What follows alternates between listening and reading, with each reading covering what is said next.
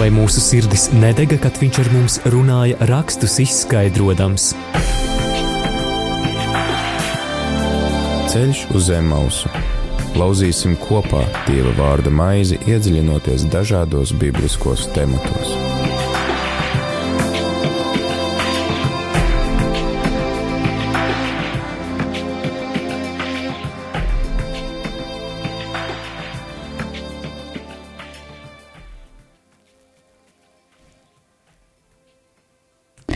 Labvakar! Ir 17,02 minūtes, un ēterā sākas savus skanējumu raidījums Ceļš uz Zemausu. Šovakar pie mums, kā vienmēr, viesojas ciemos viesis. Eh, Viesis ir eh, patstāvīgs un uzticams, Dieva dots mums līdzgaitnieks un pavadītājs Dieva vārdu skaidrošanā. Tas ir Latvijas evaņģēliskā luteriskās baznīcas saulkrasta un skultes draudžu mācītājs Ivo Pavlovičs. Labvakar! Labvakar! Prieks jūs redzēt! Jā, man arī prieks te būt. Mēs uh, tikāmies pe, uh, pagājušās, pagājušās sezonas vienā no pēdējiem raidījumiem. Iespējams, jā. jā, pagāja vasara un atkal tiekamies. jā. Kā vasara? Vasara ļoti silta. Jā, Salkristās arī. Salkrastos vēl jo īpaši Jā. silta. Jā. Un vai Salkristos un Skultē varbūt ir izdevīgs tas, tas geogrāfiskais stāvoklis, jo, jo draudzes apmeklējums nekrītas, jo visi jau ir pie jūras, visi jau atpūšas, nav nekur jābrauc. Vasarā mums ne tikai nekrītas, bet arī Pieaugu, pieaug. vau! Jā, jā, jā. Wow. Tas Mums ir krītas tagad, nu, jā, ziemas. Pareizi, jā. mums viss otrādi. Tad jums bija smags darbs vasarā. Nē, nebija smags. Nebija Smags karstums bija. smags karstums. Jā, Labi, tad, tad eh, šodien arī mums ir darbs dieva, dieva drūvā, un eh, skaidrosim, mēģināsim iedziļināties dieva vārdā. Sakiet, kāpēc tieši šis vārds eh, jūs izvēlējāties Marka evaņģēlīja 9. nodaļu no 30. līdz 37. pantam? es teikšu noslēpumu, es neizvēlējos. Jā, ā, skaidrs, labi, vairs jautājumu nav. Šis, šis te vārds tiks lasīts svētdienas liturģijā, baznīcā, un eh, jā, droši vien tas dod, tā ir laba iespēja jau pirms tam to aplūkot un iet uz, iet uz baznīcu, uz dievkalpojumu svētdienu jau sagatavotākiem. Jā, tas Jā. ir ļoti labi. Jā. Mm, Kā mēs darīsim? Lasīsiet, Jūs nolasīsiet, tad labi. Tad Marka evanģēlijas 9. nodaļa no 30. līdz 37. pantam. Un tie no turienes izgājuši pārsteigāja Galileju, un viņš negribēja, ka to kāds zinātu, jo viņš savus mācekļus mācīja un uz tiem sacīja. Cilvēku dēlu nod, cilvēka dēlu nodos cilvēku rokās, un tie to nokaus, un nokauts viņš pēc trim dienām celsies augšām. Bet tie šo vārdu nesaprata un bijās viņu jautāt. Un viņš nāca Kapernaumā, un mājās būdams, viņš tiem jautāja, par ko jūs runājāt ceļā. Bet tie cieta klusu, jo tie savā starpā bija sarunājušies ceļā, kurš esot lielākais. Un viņš apsēdies iesauc tos 12 un tiem saka: Ja kas grib būt pirmais, tas lai ir no visiem pēdējais un visu kalps. Un viņš ņēma kādu bērnu, to nostatīja viņu vidū un to apkampis uz tiem sacīja: Ja kas vienu no šiem bērniem uzņem manā vārdā, tas mani uzņem, bet kas mani uzņem, tas neuzņem mani, bet to, kas mani sūtījis. Amen. Amen. Nu, šis te evaņģēlijs ir Marka evaņģēlijs, kurš mm, īpaši Marks kā autors nav domājis par, par mm, da, mm, varbūt stilu, bet visu koncentrētā veidā ir pasniedzis. Un šeit ir tādi trīs, varētu teikt, trīs daļas. Šīs, šajos īsajos pantos, septiņos ir principā trīs, trīs daļas. Vai tā ir? Nu, mēs tur varam saskatīt, Jā. eh, bet tur cauri iet arī kāda uh, viena tēma, bet pasakiet par tām trim daļām. Nu, trim daļām. Pirmā uh, daļa tā tad. Um, Jēzus runā par to, ka par savu gaidāmo ciešu, par savām gaidāmajām ciešanām un par to, ka viņš tiks nokauts, nodots un nokauts, un arī par to, ka celsies augšām. Pēc tam nākamā, it kā sanāk tāda jau nākamais cēliens, nākamā tēma, mm, pēkšņi Jēzus uh, jautā par to, par ko tad mācekļi ir runājuši ceļā, un ceļā viņi runāja par, uh, teiksim, par varas dalīšanu, tā varētu teikt. Mums tagad arī ir varas dalīšanas laiks. Mums, jā, tieši tā. jā. Uh, un tad, tad trešā daļa pēkšņi Jēzus nu, varētu teikt, ka pārā atdalīts no pirmām divām uh, tēmām, un pēkšņi nostata vidū bērniņu apkāpju un saka, ka, ka to, kas nepieņems bērniņu, to, kas pieņem, kurš pieņem bērniņu, pieņem viņu, un, un, un jā, ne tikai viņu, bet arī to, kurš sūtīs, jā, respektīvi Dievu.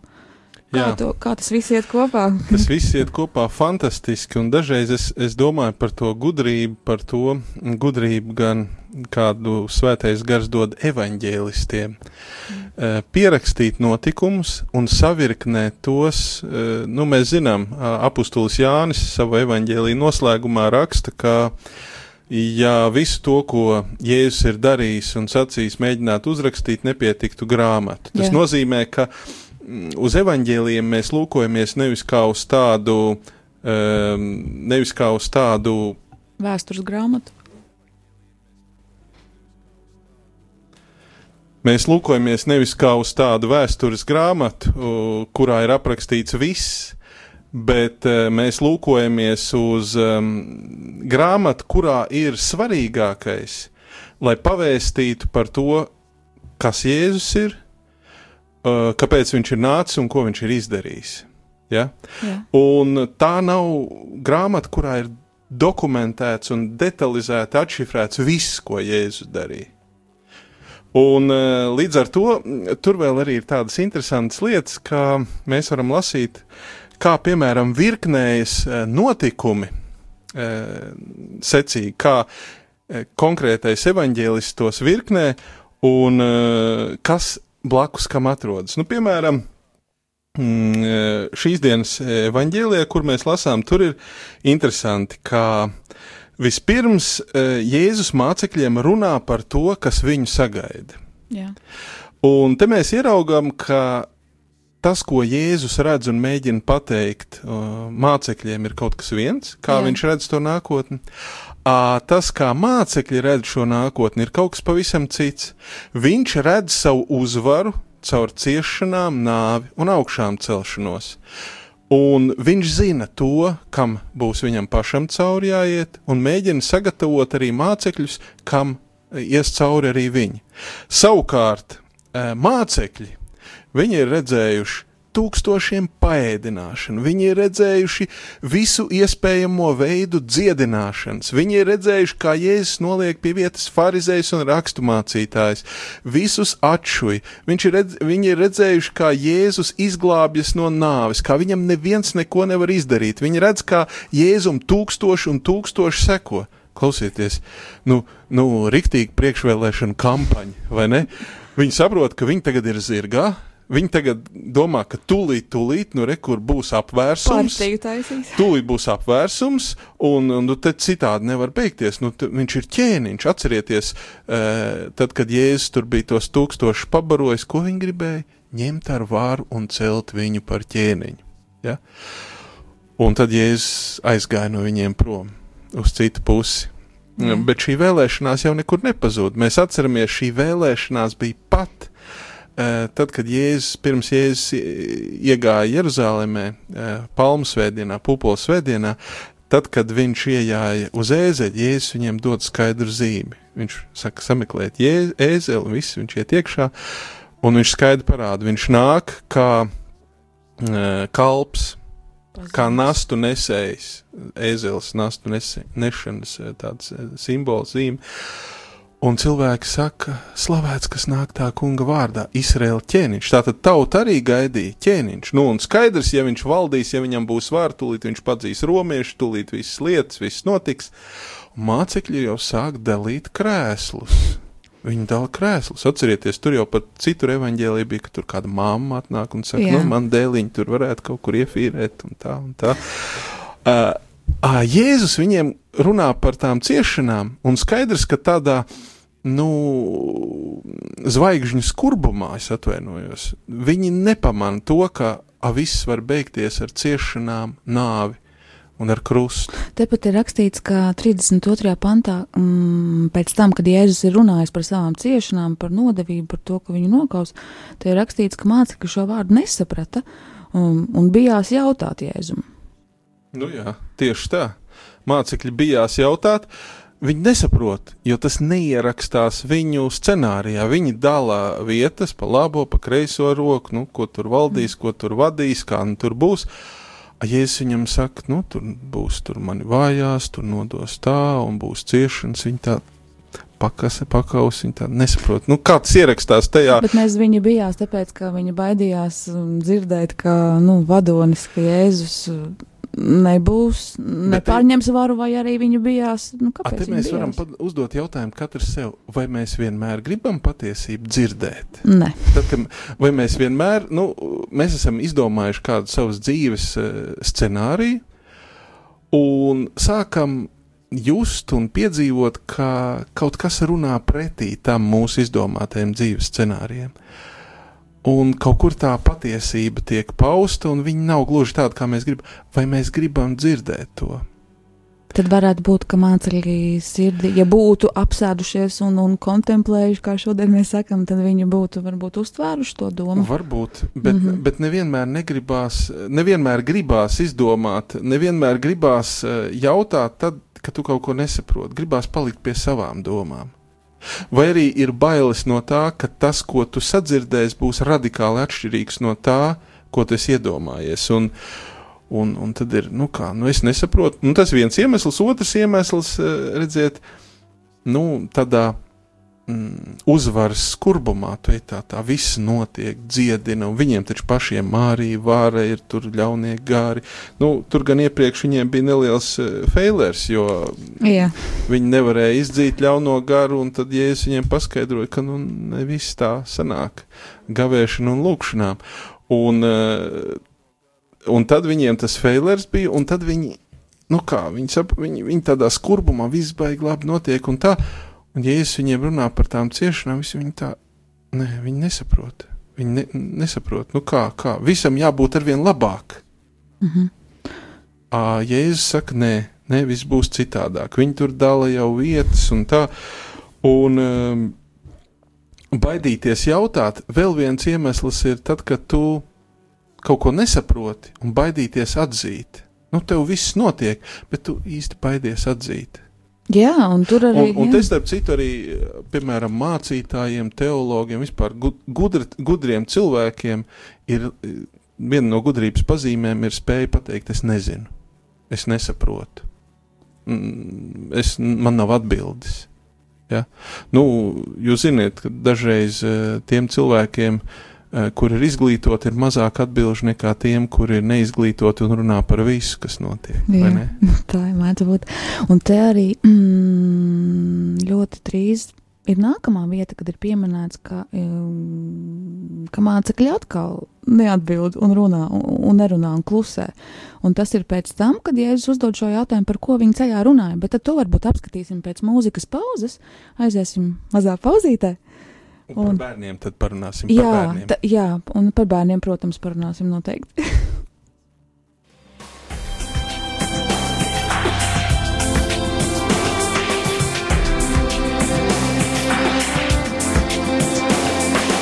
Ceļš uz zem mausu katru ceturtdienu, pulkstens 17.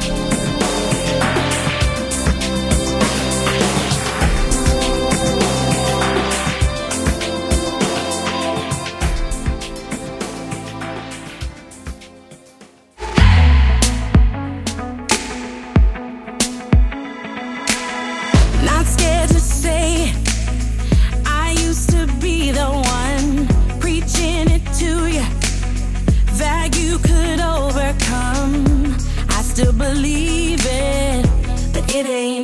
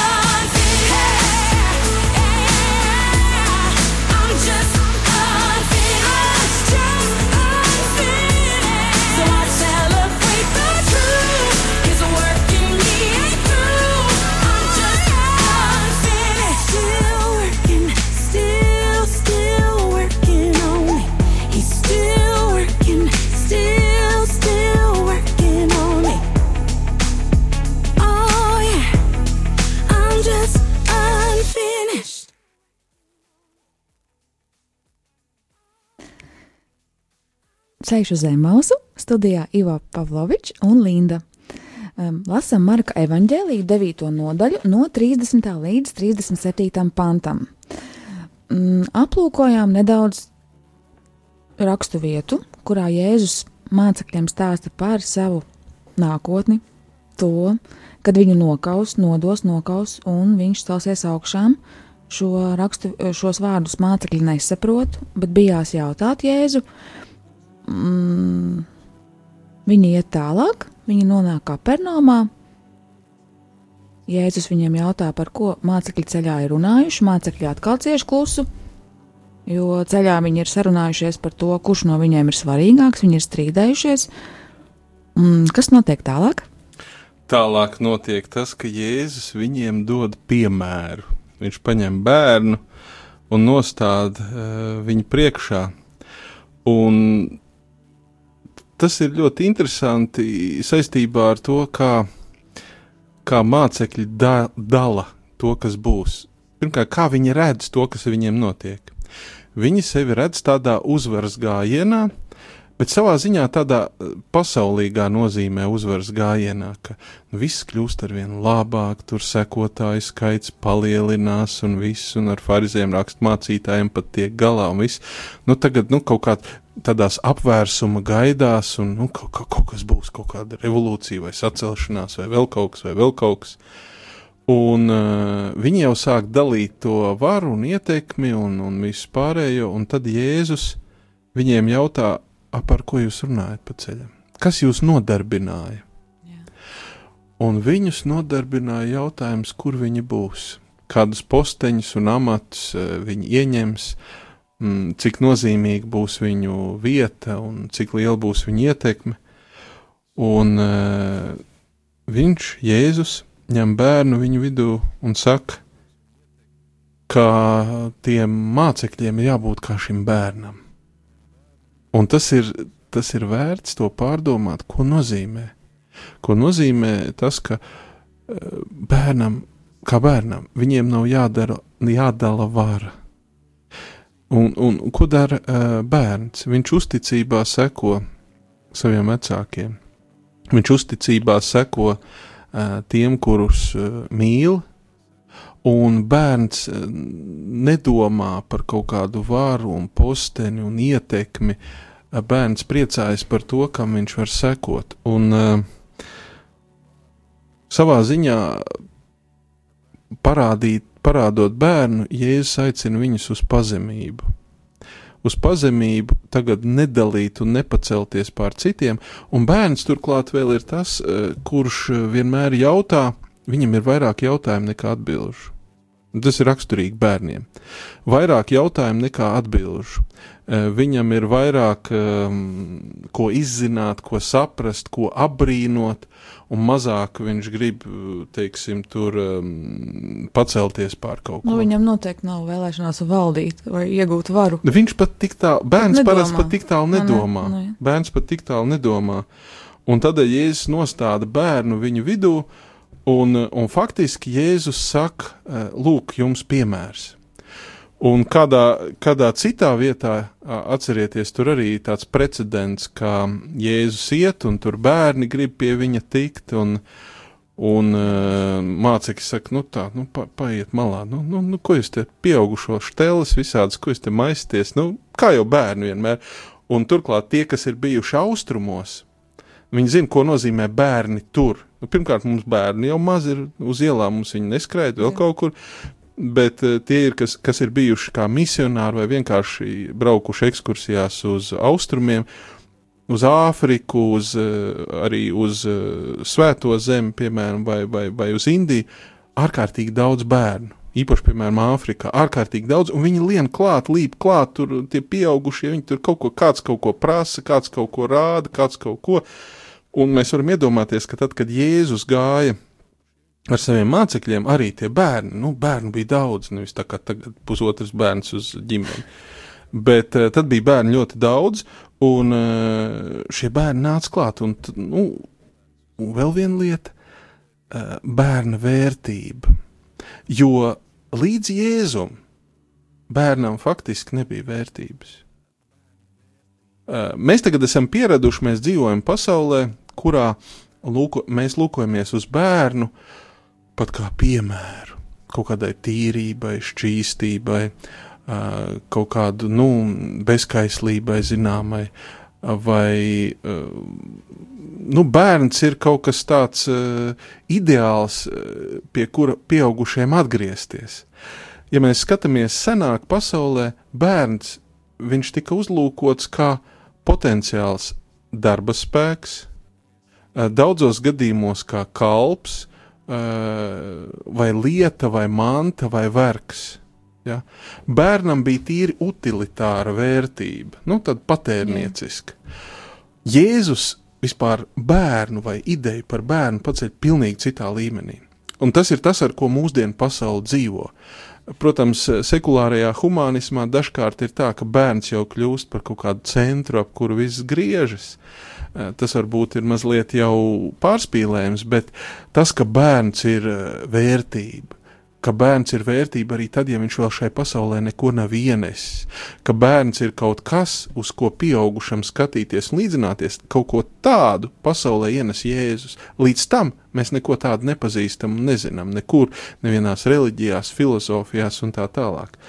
Un uh, Jēzus bērna vērtību paceļ milzīgos augstumos, milzīgos augstumos. Un tas ir tas, ar ko mēs tagad dzīvojam un uztveram kā tādu, nu, nu tādu um, daļu no vis, tā saucamajām vispār cilvēciskajām vērtībām. Nu, jā, cilvēkam ir vērtība, tur no ieņemšanas bērnam ir vērtība vienkārši tas, ka viņš ir dzīvs un tam līdzīgi, un viņam ir vērtība pašam, uh, pašam no sevis. Bet šo īpašo bērnu vērtību uh, Jēzus atklāja un parāda. Tādēļ tas uh, ir neparasti mazliet, ka Jēzus norāda uz bērnu, jo bērnā it kā nekā nav. Viņš ir materiāls, viņš ir kā māls, kurš var tikt veidots par visu kaut ko. Un, un šai ziņā var skatīties arī uz mācekļiem kā tādiem, kuri viņi jau sevi par kaut ko ir iedomājušies, bet patiesībā viņi šajā situācijā būtu labāk, ja viņi būtu kā bērni, nezināmā priekšā. Jo viņi ir visu izplānojuši, viņi jau dala amatus. Ja es viņiem saku, esiet kā bērni, jums būs daudz pārsteigumu, un viss būs daudz savādāk nekā jūs esat iedomājušies. Jā, nu, vēl arī es tā man grūti saprast pašai, ko Nu, Pirmkārt, ko tie bērni gribēja no jēzus? Viņi skrēja variem, ja klāt, mm, jēzus viņus nedzina prom, bet vienu paņēma apkampa, mm, nostatīja pa vidu un vēl saka šādus dīvainus vārdus, ka, mm, ja kas vienu no šiem bērniem uzņem manā vārdā, tas mani uzņem, bet kas mani uzņem, tas neuzņem mani, bet to, kas mani sūtīs. Un tas ir tādā kontekstā, kad uh, mācekļi strīdējās par varu. Nu jā, e, redz, tur ir, e, tur ir tas e, aicinājums gan pašiem būt kā bērniem, gan reizē arī uzņemt zemākos un nezinošos un meklējošos un tos, kuriem vajadzīgas atbildes. Un to Jēzus vairāk kārt mācekļiem māca un saka, es negribu, lai jūs valdītu. Kādā citā vietā viņš saka, ķēniņi tur valda pār tautām un tā tālāk, jums tā nebūs būt. Ja? Tā, tā, tā pie jums, lai nenotiek. Un ta, tur jau arī ir tas moments, kas, kas grib būt pirmais. Un te ir apgrieztā realitāte, kāda ir eh, dieva valstībā, kāda ir pie dieva un kāda ir pasaulē. Gribi būt pirmais, esi visu kalps. Nu jā, tas 30. Pēdējie būs pirmie un pirmie pēdējie. Jā, un arī 35. pantā tieši tā arī Jēzus saka, ja kas grib būt pirmais, tas lai ir no visiem pēdējais un visu kalps. Bet kā tad mācekļi? Nu jā, un mācekļi grib, viņi sāk domāt par to, kā valdīt. A Jēzus viņiem saka, klau, jums būs jākalpo, jums, jums būs cits ceļš ejams. Un mēs zinām, kas notika pēc tam ar visiem eh, šiem eh, mācekļiem. Vienīgais eh, apustulis Jānis nodzīvoja līdz sirmam vecumam, pārējie visi mācekļi mira mocekļu nāvē nekāda valdīšana tādā pasaulīgā nozīmē tur nesanāca. Nekas no tā iedomātā scenārija pa labo un kreiso roku, un kā nu tagad tur bīdīs un darīs visas lietas, nekas nesanāca tā pasaulīgi raugoties. Bet pēc augšām celšanās, pēc augšām celšanās un pēc svētā gara nonākšanas jau viņu prāts un sirds mācekļiem tika apskaidrot. Viņi saprata. Un, un, un man vismaz tā dažreiz ir tā sajūta, ka tu lasi evaņģēlīju, tu lasi par to, ko tie mācekļi dara un kas ar viņiem viss notiek, un tos dialogus līdz Kristus nāvē un augšām celšanās eh, notikumam. Jā. Un tu lasi pēc tam, Un liekas, tie ir dažādi cilvēki. Pilnīgi tā runa ir par kaut kādiem citiem cilvēkiem. Tur ir kaut kādi tie jocīgie kaut kādi, kur tur vāru dala un vēl kaut ko viņi tur, un te viņi baidās, un te viņi tur vēl kaut ko.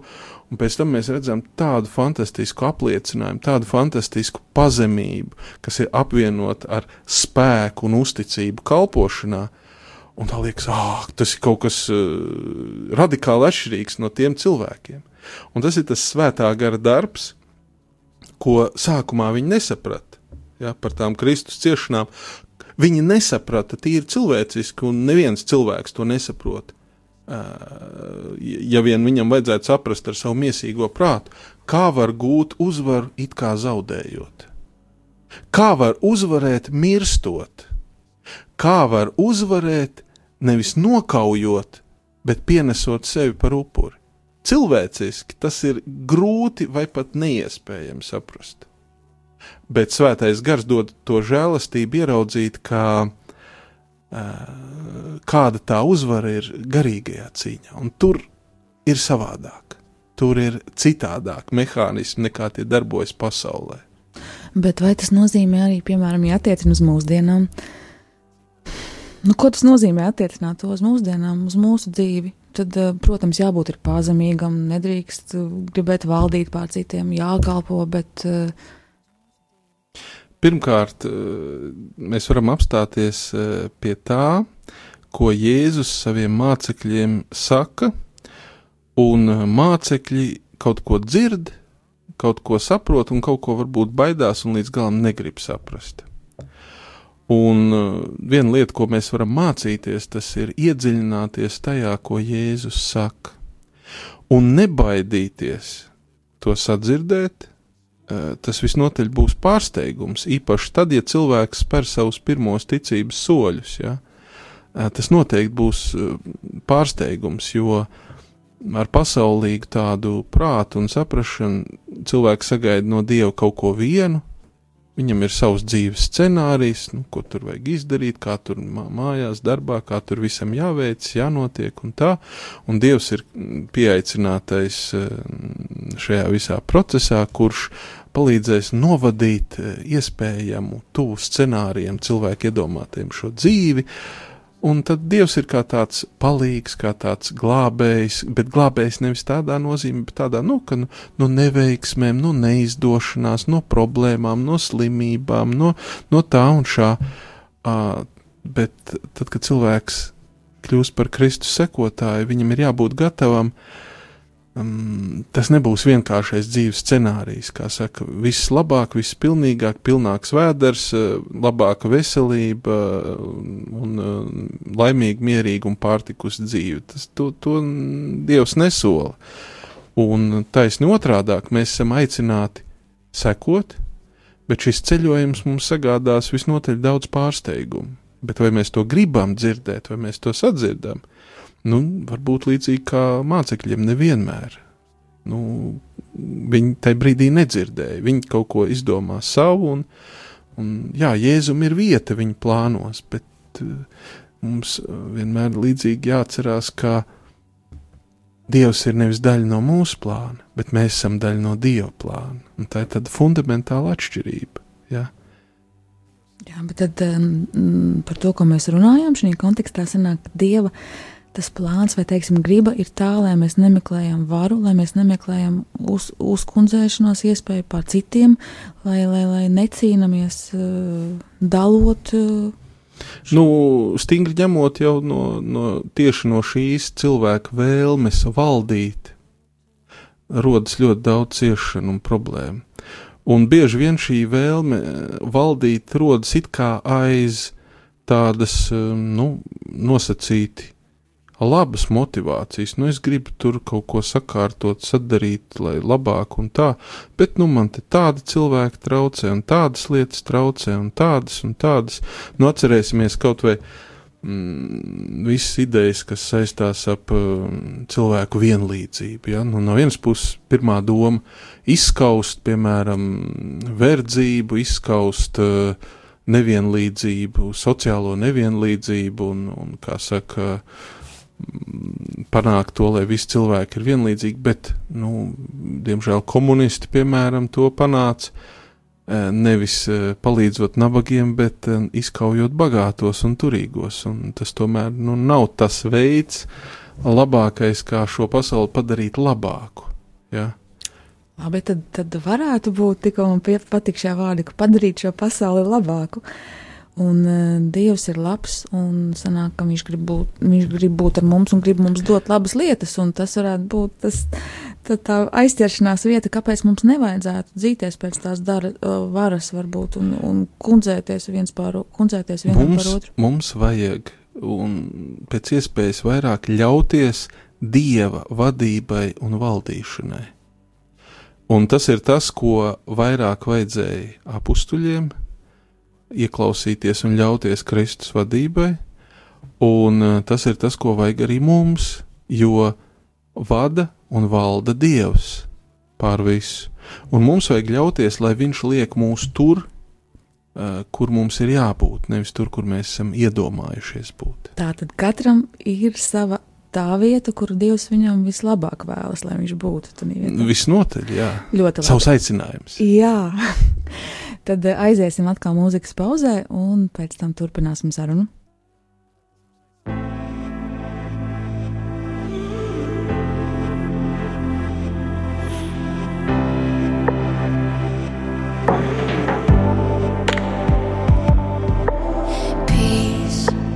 bring it all to peace.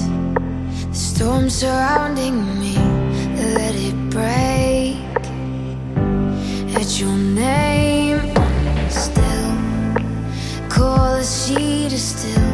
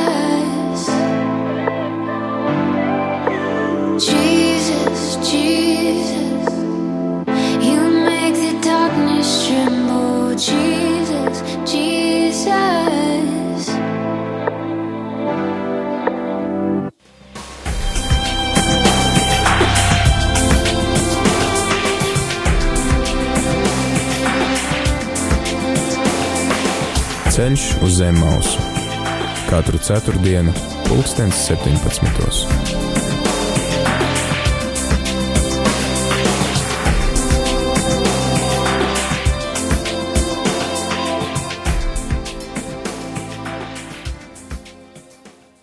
Studijā Ceļš uz Zemausu, Ivo Pavlovičs, Slaukras kultas Lutheriskās draudžu, Lutera draudzes mācītājs. Runājam par Marka 9. nodaļu, 30, 37. pantu.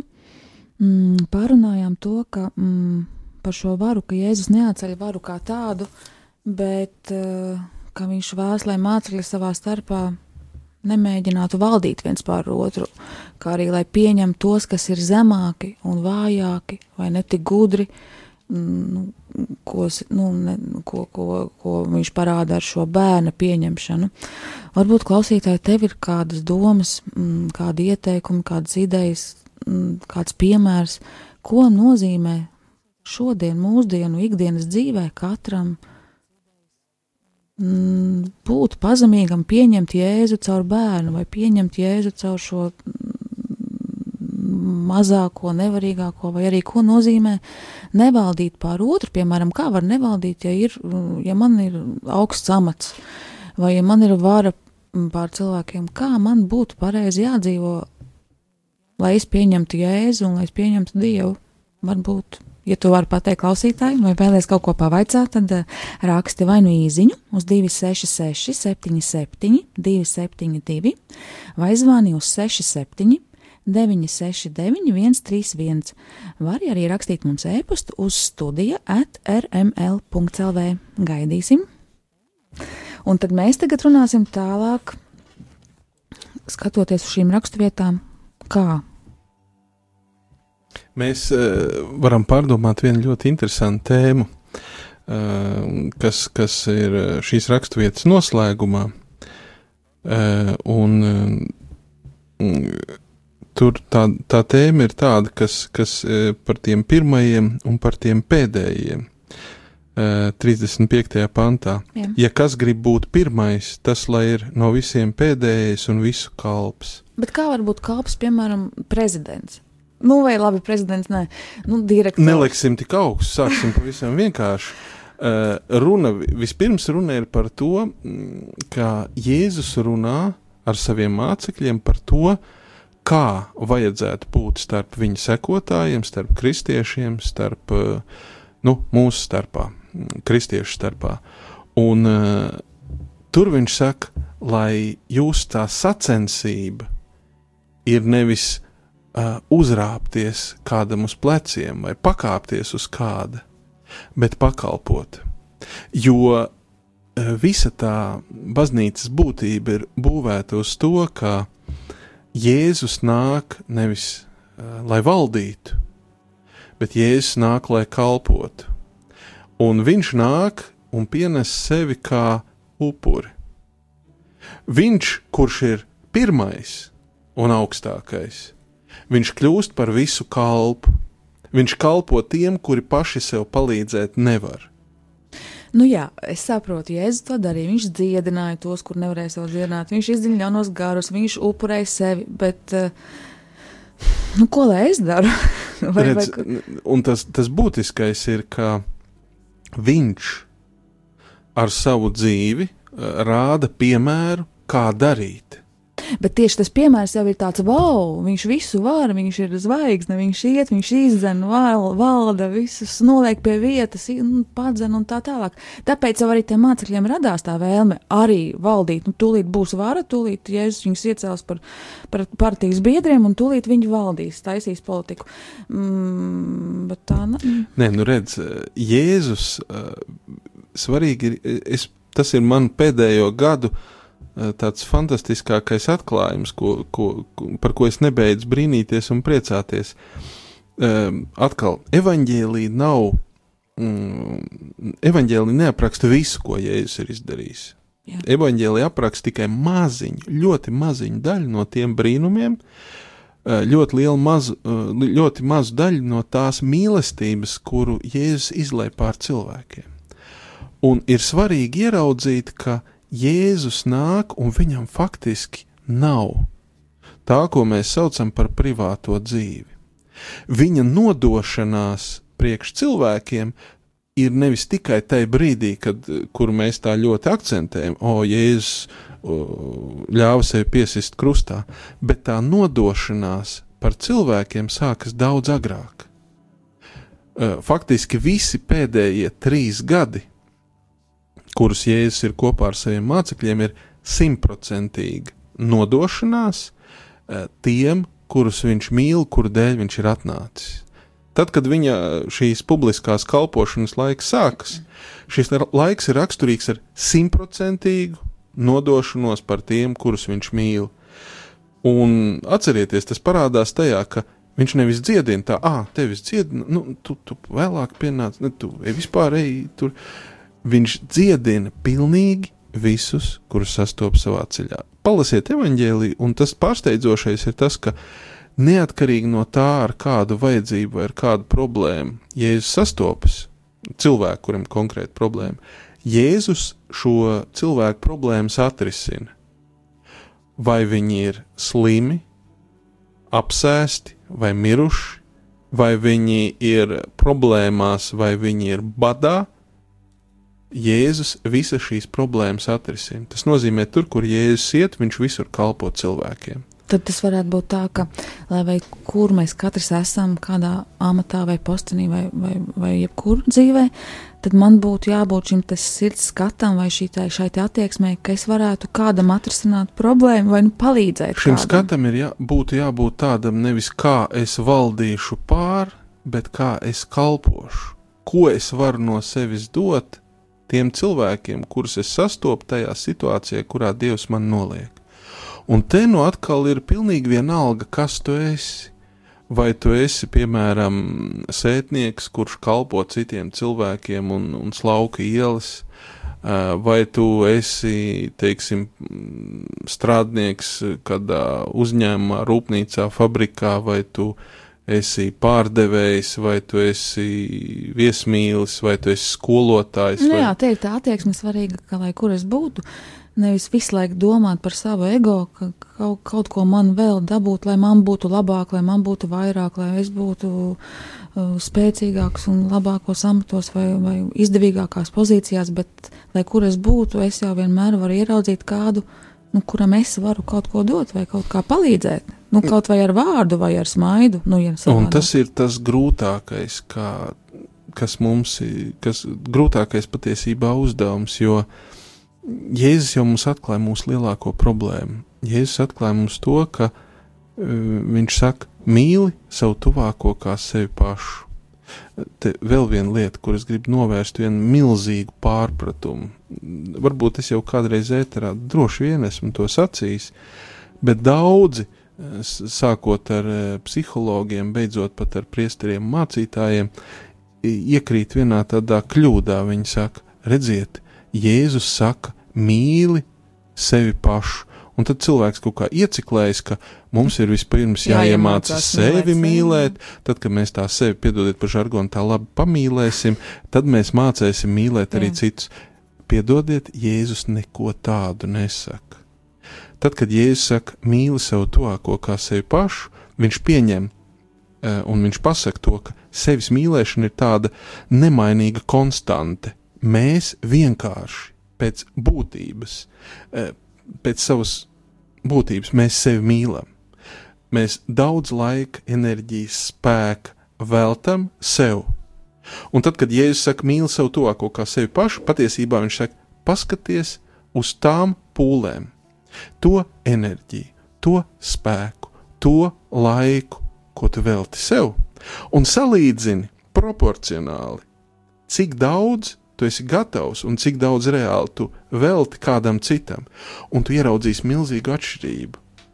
Un tad, kad tev vienkārši, tad, kad vienkārši ieraugi, ka, lūk, tā es mīlu sevi, tik daudz es esmu gatavs pūlēties sevis pēc, un pretī tam es lieku to, cik daudz es esmu kāda cita dēļ pūlēties, e, gatavs un spējīgs. Un mēs ieraudzīsim milzīgu, milzīgu aizu pa vidu starp to, cik ļoti daudz mēs veltam laika, enerģijas un pūļu sev, un cik ļoti maz mēs veltam citiem. Un tur nav ne mazākās runas par to, ka mums vajadzētu vēl kaut kā īpaši piedomāt par to, kā mums labāk pamīlēt sevi. Galīgi nē. Jā. Jo t, t, tas laiks un tā enerģija, ko mēs veltam sevi, nu, mīlot, tas jau arī var būt kaut vai sākumā tikai domās. Nu, ja, piemēram, es sēžu un domāju 9 stundas dienā par sevi, nu, vienalga, vai cik man ir labi. 24. Man... ja es guļu arī kādreiz.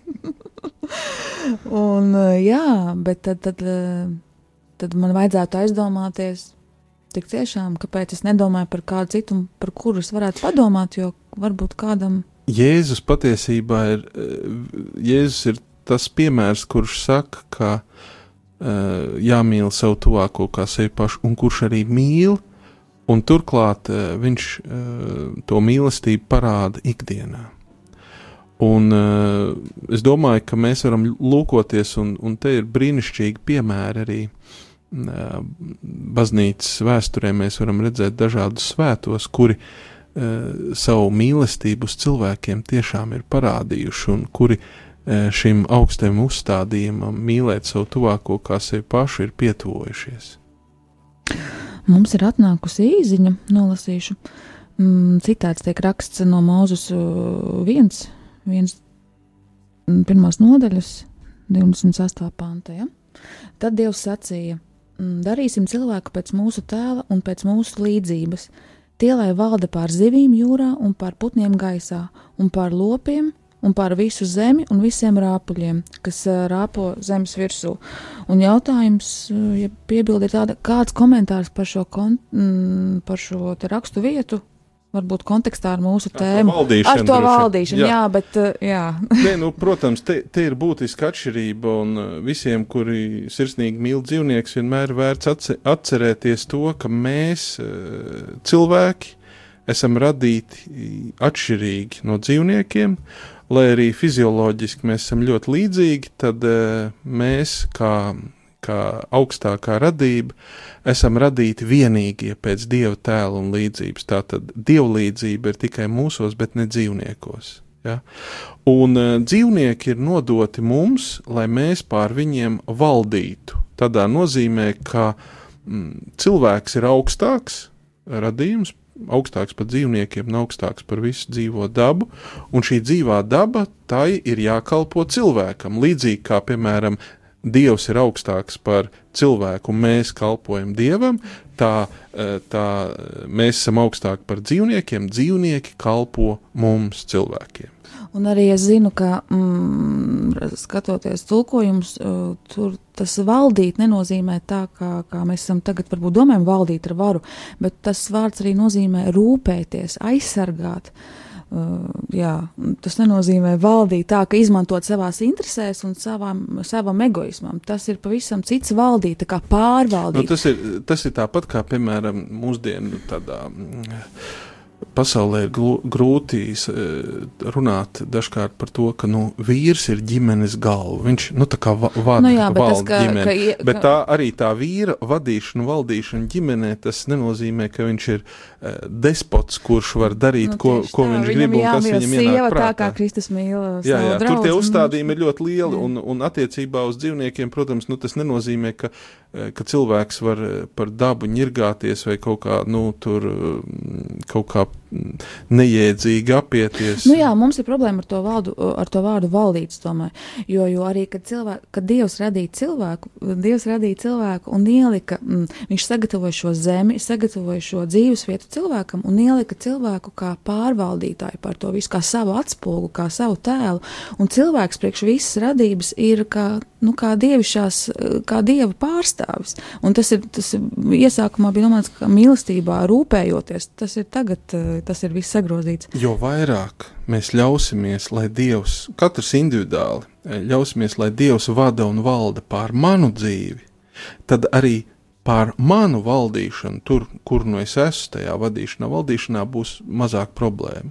Jo vairāk mēs nodosim katrs individuāli sevi un savu dzīvi, lai Dievs valda pār mums, tad uh, pārējām lietām nebūs problēmas, kā, kā, kā tur. Nu jā, un vēl viena piezīme, un mums arī ir jāsaka fināla vārds, jo, jo atceramies arī, ka šie vārdi ir pie radīšanas, un tas bija pirms, pirms grēka. Pēc grēka ir, ir mūsu daba ievainot, un radība patiesībā cieši ar mums, viņi arī gaida šo pestīšanu, un tur ir ļoti liela šī atšķirība. Bet tā ir atsevišķa tēma. tā ir atsevišķa tēma, jā, un tā tad lūdzu mācītā Ivo, tad noslēguma vārdu. Jā, eh, noslēguma vārds varbūt būtu saistīts ar to, ka Jēzus mūs mudina uz kalpošanu. Jēzus mūs mudina uz sacensību, sacensību tajā, kā mēs varam pagodināt Dievu un kā mēs varam mm, palīdzēt cilvēkiem tieši kalpojot. Un, uh, lai šī raksturvieta un, un šis notikums uh, Jēzum ar viņu mācekļiem ir kā pamudinājums, ka mums nav jāmeklē mm, iespēja kaut ko vadīt vai valdīt, jo, ja Dievs gribēs, viņš mūs ieliks. Un galu beigās apstuļi taču tik ielikti un vada un valda un visas lietas, vai ne? Jā. Uh, tikai tur vajadzēja zināmam procesam iziet cauri, bet uh, mums svarīgākais ir meklēt to, kā es varu kalpot Dievam un kā es varu kalpot cilvēkiem, kā es varu būt noderīgs. Un tad jau pārējo Dievs saliks visu. Nu jā, tas, ko es laikam paņemu pati priekš sevis, kā tādu vielu pārdomām un, un, un tādu darba, darba lauku, tas ir tas laiks, ko es veltu sev, un tas laiks, ko es veltu vai neveltu citiem. Uh, sākot jau ar domām, un no domām arī radīsies darbi. Un Tas... labāk meditēt ir par Jēzus vārdiem, apcerēt, jo Jā. Eh, viņi tur tos Jēzus vārdus nesaprata. Nu, atstāja, nu, ko tur viņam jautāt, bet tad viņi apcerēja visā tajā ceļā. Viņi apcerēja, bet kā tur mums būs, un tā labāk ir apcerēt to, ko runā Jēzus tas ved pie labākām. Un kad to var apcerēt? Ah, vienmēr var vienmēr. apcerēt. Labi, tad, tad eh, šis ir tāds gatavošanās ap, dieva vārdu apcerēšanai, kas būs svētdien. Mēs varam jau tagad to vārdu apcerēt, šo vārdu, jo svētdien mēs viņu saņemsim kā garīgo maizi dievkalpojumā. Un varam apcerēt, turpināt apcerēt arī svētdienu pēc dievkalpojuma. Sagatavot jau. Jā, jā. Paldies jums, ka bijāt šeit. Paldies visiem jā. klausītājiem. Paldies, klausītāji. Jā. Tiekamies nākamā ceturtdien. Atkārtojums ir sestdienas vakaros. Un studijā bija Saukrest un skultas mācītājs Ivo Pavlovičs un Linda. Visu labu! Visu labu!